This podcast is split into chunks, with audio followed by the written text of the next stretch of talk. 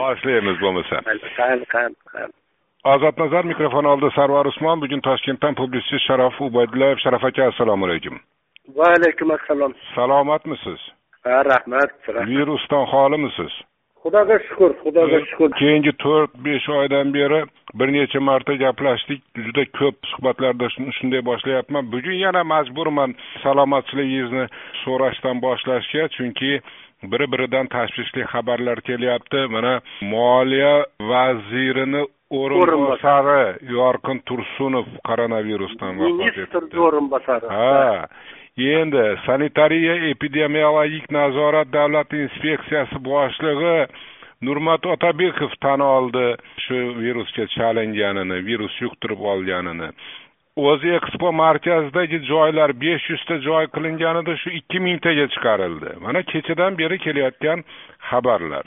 O'zbekiston hukumati ancha qattiq keskin choralar ko'ryaptiyu. Nega buni jilovlashni iloji bo'lmayapti? Ha bu savolni siz e, amerikadagi akalaringizga aytsangiz bo'lmaydimi? Nimaga janob tramp yo yo yo uni ham yo yo yo uni uni uni alohida gaplashdik. Jahon yo yo yo. ikki uch marta. masalada men men buni so'rar ekanman. Men buni so'rar ekanman. Amerikadan nega yomon deb so'ramayapman?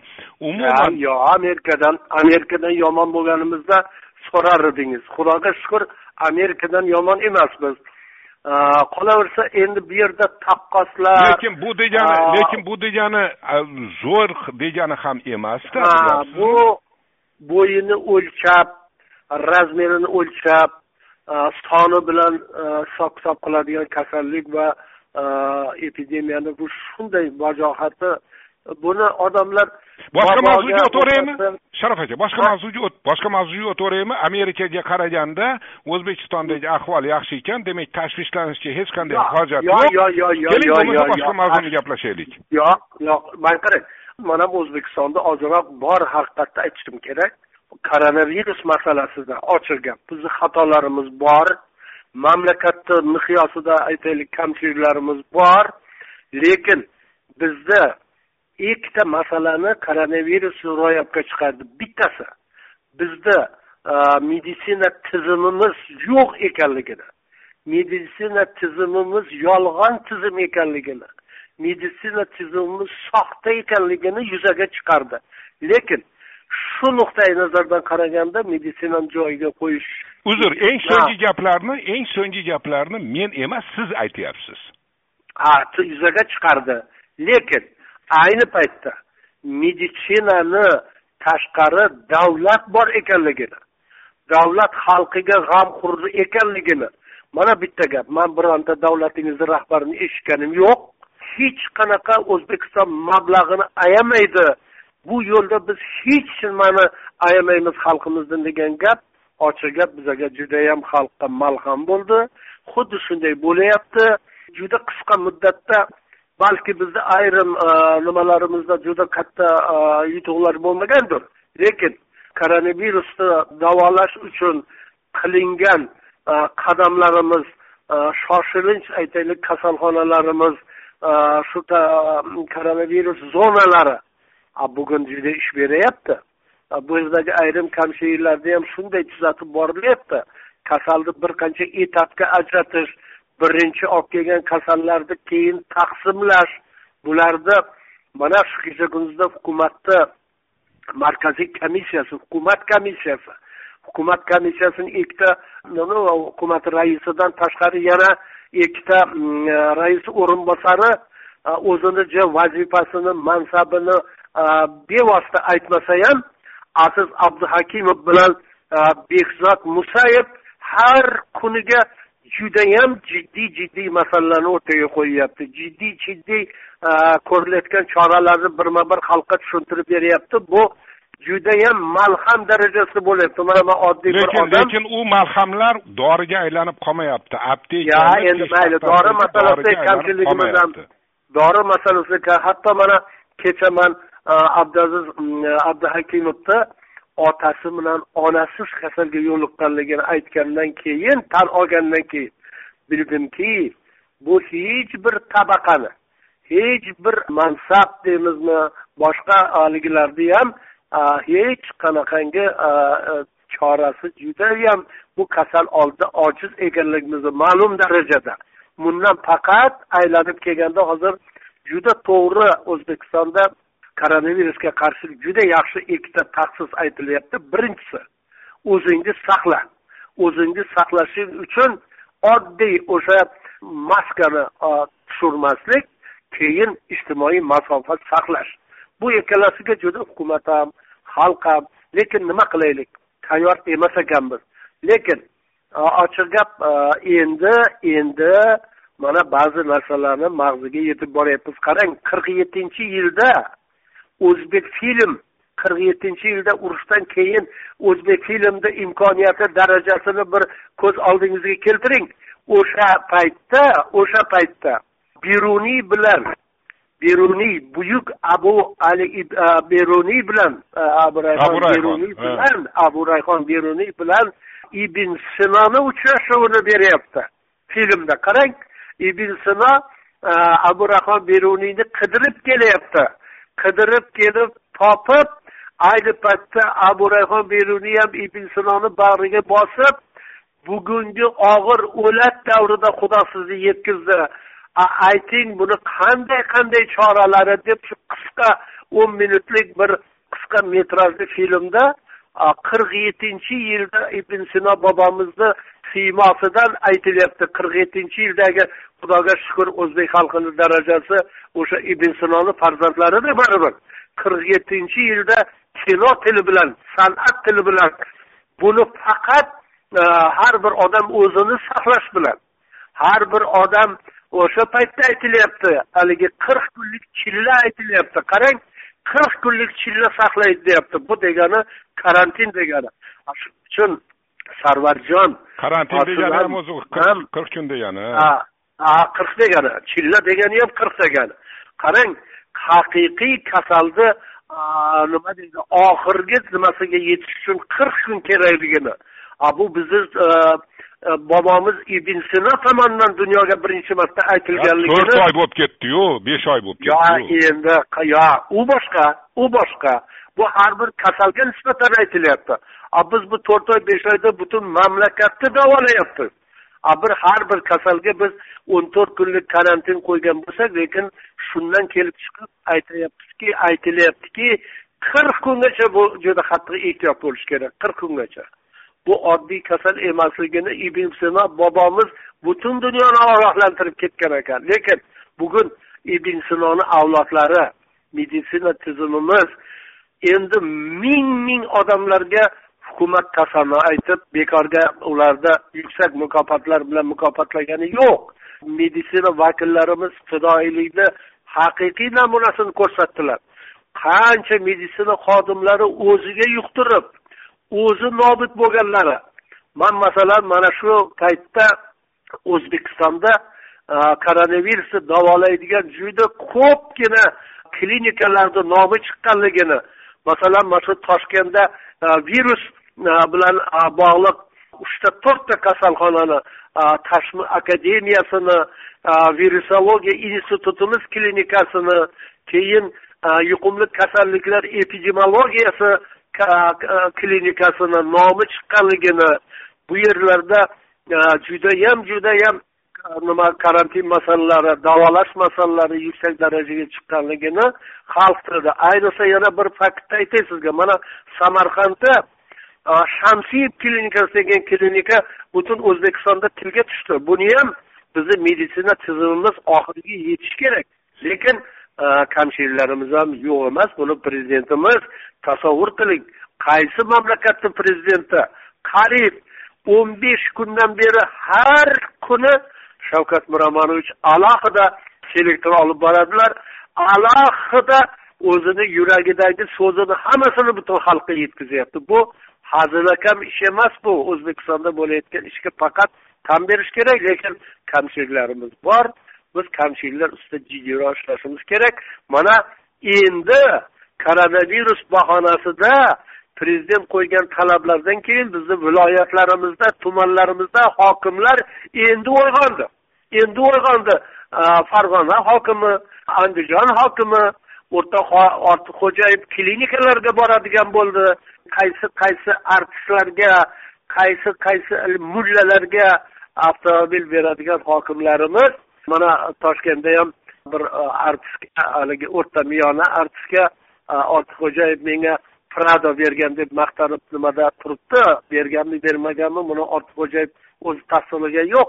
Lekin bugun mana shu meditsina tizimidagi fidoyilarga o'zini Э, xalq uchun eli uchun millati uchun э, nimada э, tik oyoqda turgan meditsina xodimlariga berilganda edi.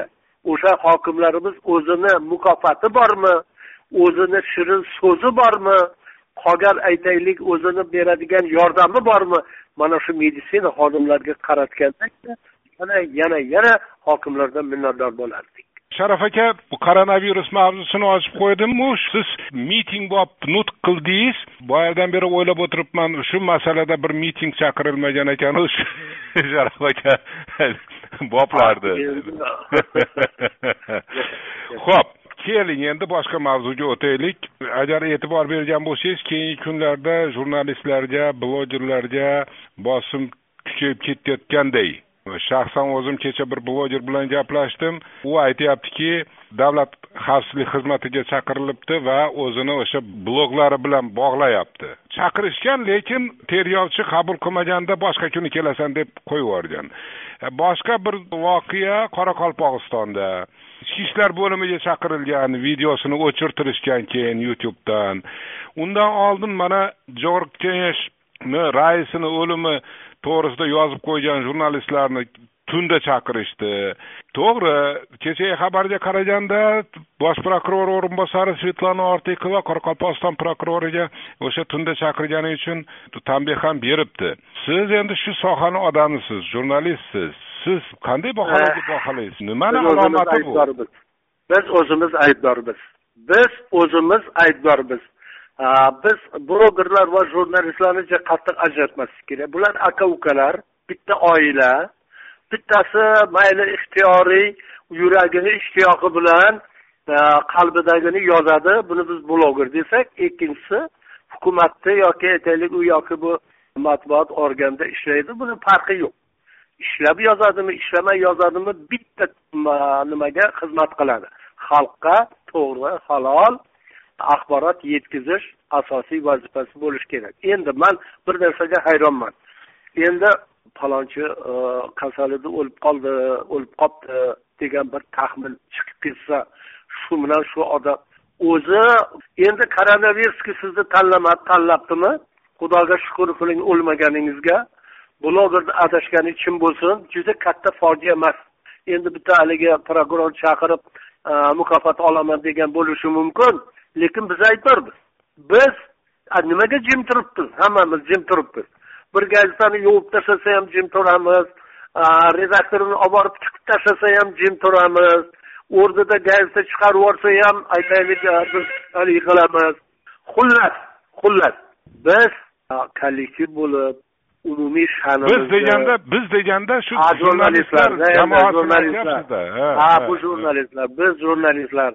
Biz kimni olib kelib jurnalistlarga rais qilib qo'ysa o'shani borib etagiga namoz o'qiydi endi man bitta misol aytaman.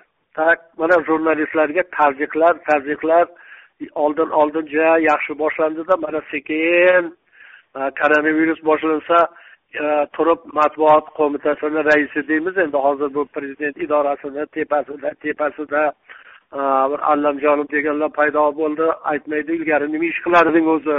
Tak o'sha ishingni qilaversang bo'lmaydimi?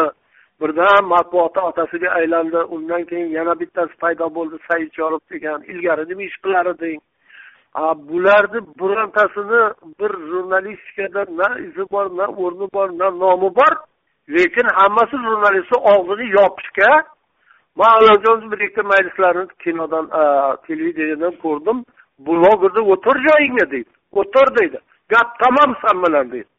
Undan keyin bir shuhrat musayev hozir unaqa o'tir deydigan lavozimda emas mayli mana yaqinda shuhrat musayev deganni tayyorlagan u endi bunday joyidan turgandan keyin zalda hamma qo'rqadi uni soqolidan gavdasidan u ham blogerlarga tashlanadi o'zi bloger blogerlarga tashlanadi endi man qarang man bitta misol keltiraman alla pugacheva u bizni o'zbek emas bilasiz alla pugacheva argumenti faktida e, gazetasida bitta misol keltiryapti kechasi soat ikkida janob prezident yelsin kayfi kelgan paytda o'zini oilaviy marosimida qani pugacheva deb qolibdida endi endi pugacheva aytilmagan ekan boshqa qilinmagan ekan. Bularni qandaydir bir семейный nevarasinimi o'g'linimi xotinimni tug'ilgan kunimi bir nimami xullas a где pugacheva desa endi bular unga javob berishdan tashqari yana bittasi chop chiqib alla pugachevaga telefon qilibdi moshin ketdi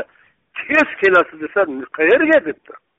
Shu man kechasi ikkida yelsinni sog'inganim yo'q deb trubkani qo'yib qo'yyapti o'sha ayolni vijdoni bor ekanda mayli mana biz uni ba'zan aytamiz at gorbacheva mm, nima deymiz? Nimadan nimagacha yashadi deymizda.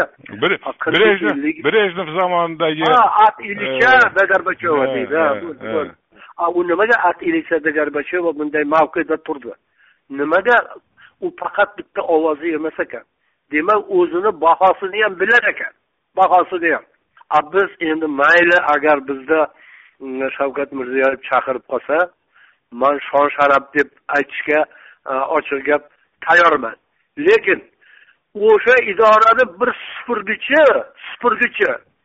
Endi xudo ko'rsatmasin men hozir bir yangi uyga borganman o'sha yerda idoradan o'sha idoradan bitta supurgichi o'sha yerdan uy olgan.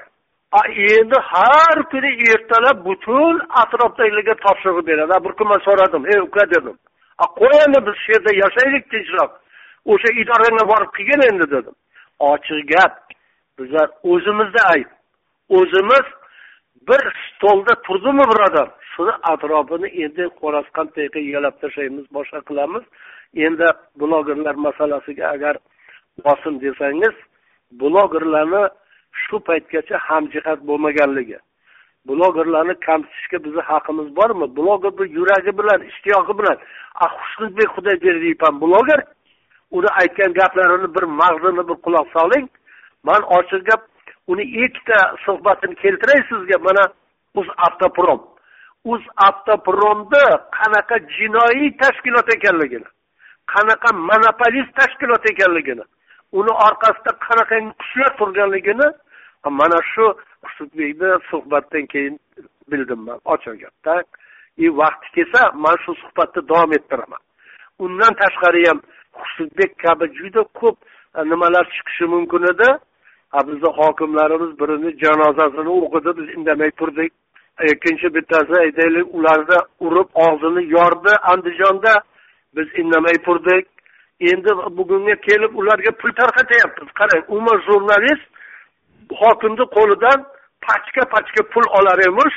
Bu oddiy voqea emish endi shunday qilib sharaf aka shunday pul pul tarqatish bilan amal berish bilan o'sha jamiyatni bo'lishmayaptimi o'sha hokimlar umuman rahbariyat? Shu ba'zi bir shunaqa narsalarni tepadan turib hammaga aql o'rgatadigan bizni ayrim nimalarimizga aytmoqchimanki katta blogerlarimizga. Amerikada amerikada prezident samolyoti uchadi man buni ham e, nimasini e, axboroti manda nimasi bor. Tak axborot.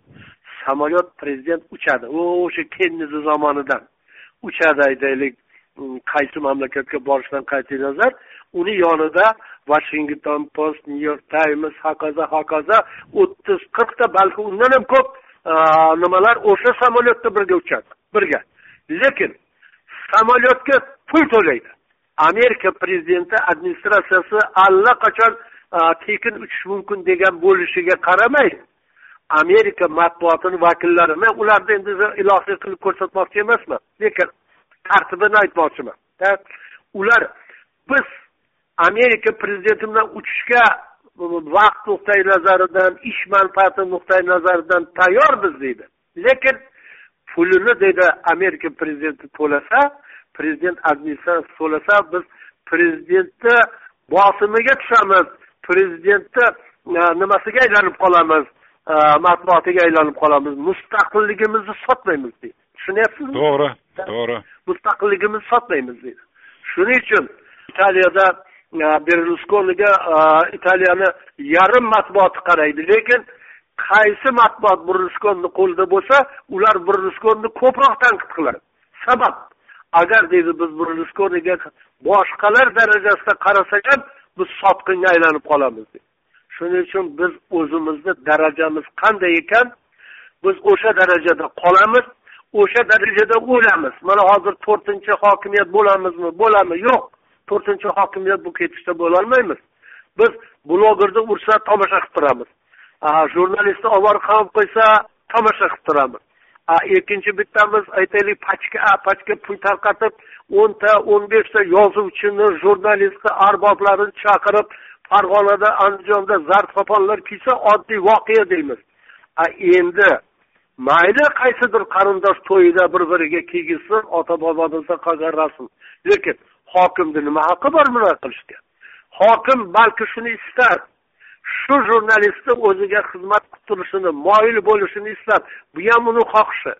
Biz unga ham hurmat deb qarashimiz ham mumkin lekin unga biz yelkamizni tutsak bugun ertaga boshqa joyimizni tutamiz. Man buni ochiq aytaman. Shuning uchun borib farg'ona hokimidan andijon hokimidan moshin minib kelganlarni bilaman man bugun aytaylik toshkent shahar hokimi ham kimlargadir pirada mindirganligini maqtanib hozir nimalar chiqyapti. Agar noto'g'ri bo'lsa o'rtaxo'jayev allaqachon bunga munosabat bildirish kerak edi.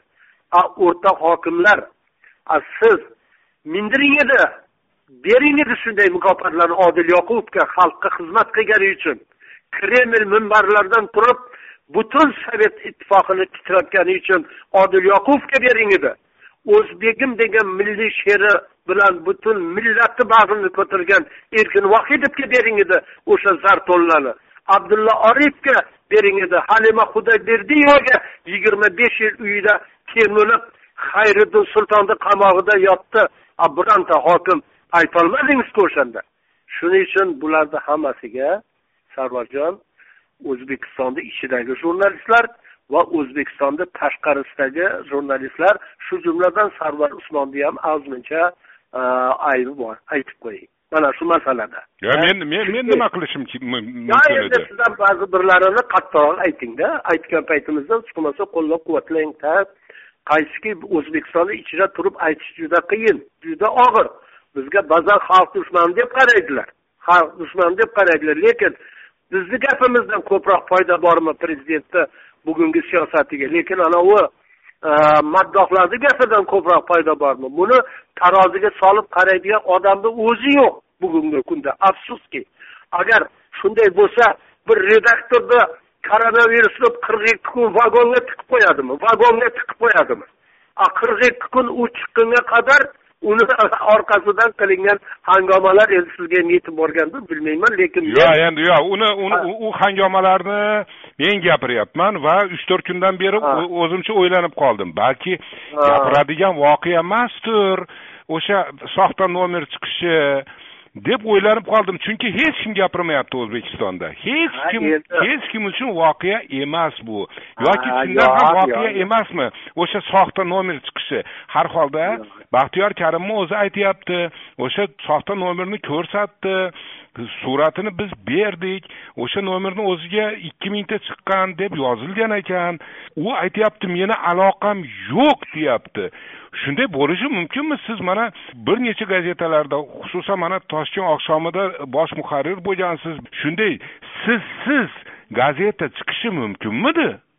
Xudoga shukur man e, sovet davrida saksoninchi yillarda bir yarim million chiqadigan toshkent oqshomi вечерний toshkent va toshkentskiy неделя degan uch gazetani bir paytdagi redaktori bo'lganman uch gazeta bir yarim million chiqar va butun o'rta osiyoga tarqalardi. O'rta osiyoga.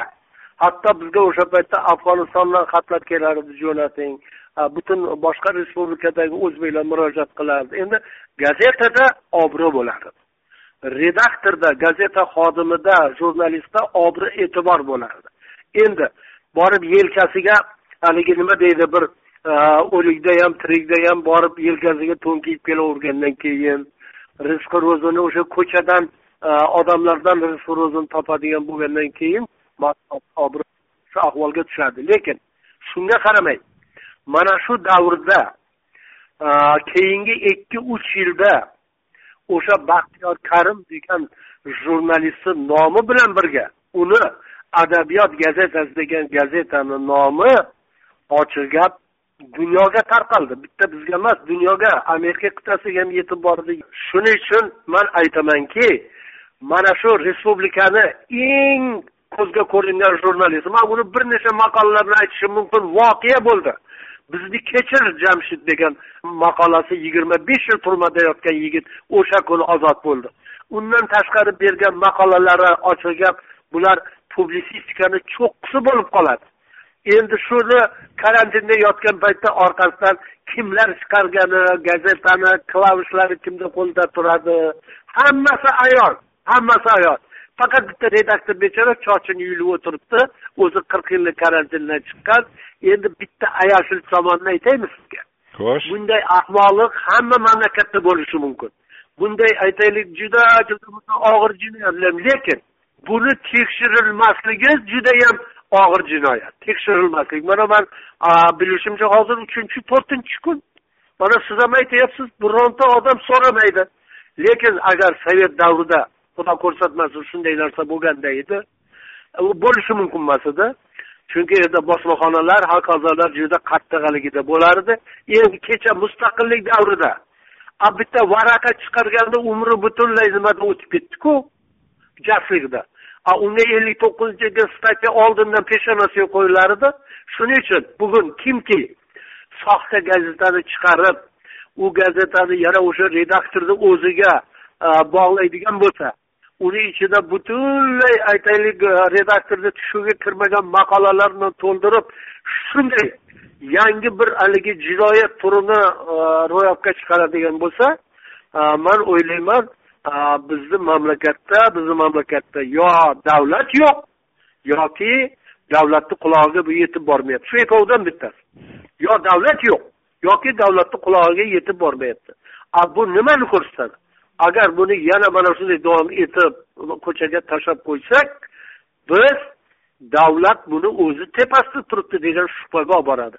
Davlat agar shu shubha bilan rozi bo'lsa marhamat tekshirmasligi ham mumkin. Yana qayta qayta kimni yomon ko'rsa ertaga o'sha nomidan gazit chiqarib o'zini yo'q qilaverish mumkin. Shuning uchun bu dunyo miqyosida juda og'ir jinoyat. Matbuotchilik tarixda qoladi lekin kimki agar shu tarixda qora siymo bo'lib qolaman desa bunga bemalol xotirjam qarashi mumkin. Lekin man o'ylayman e, bugungi prezidentimizni qulog'iga yetadi bu yetgandan keyin bahosini oladi keyin qahramonlar ko'payadi. Butun dunyoda qahramonlar ko'payadi. Birdaniga buni topqichlar chiqadi buni qoralovchilar chiqadi. Lekin hozir inida yotgan jurnalistlarga aytmoqchiman. Haligi katayiga kirib ketgan blogerlarimizga boshqa boshqa arboblarimizga aytmoqchiman tashqariga chiqing. Aql bovar qilmaydigan ish bo'ldi bu. Bu jurnalistika tarixida juda og'ir og'ir e, jinoyat sanaladi mana shuni agar tushunib yetsangiz bugun siz yangi o'zbekistonni prezidenti siyosatiga aytaylik qo'shilgan bo'lasiz. Undan boshqa baholab bo'lmaydi. Tamom toshkentdan publitsist sharof ubaydullayev edi bu ozod nazar eshittirishi bo'ldi. Men sarvar usmon ozodlik radiosi. Rahmat. Salomat bo'ling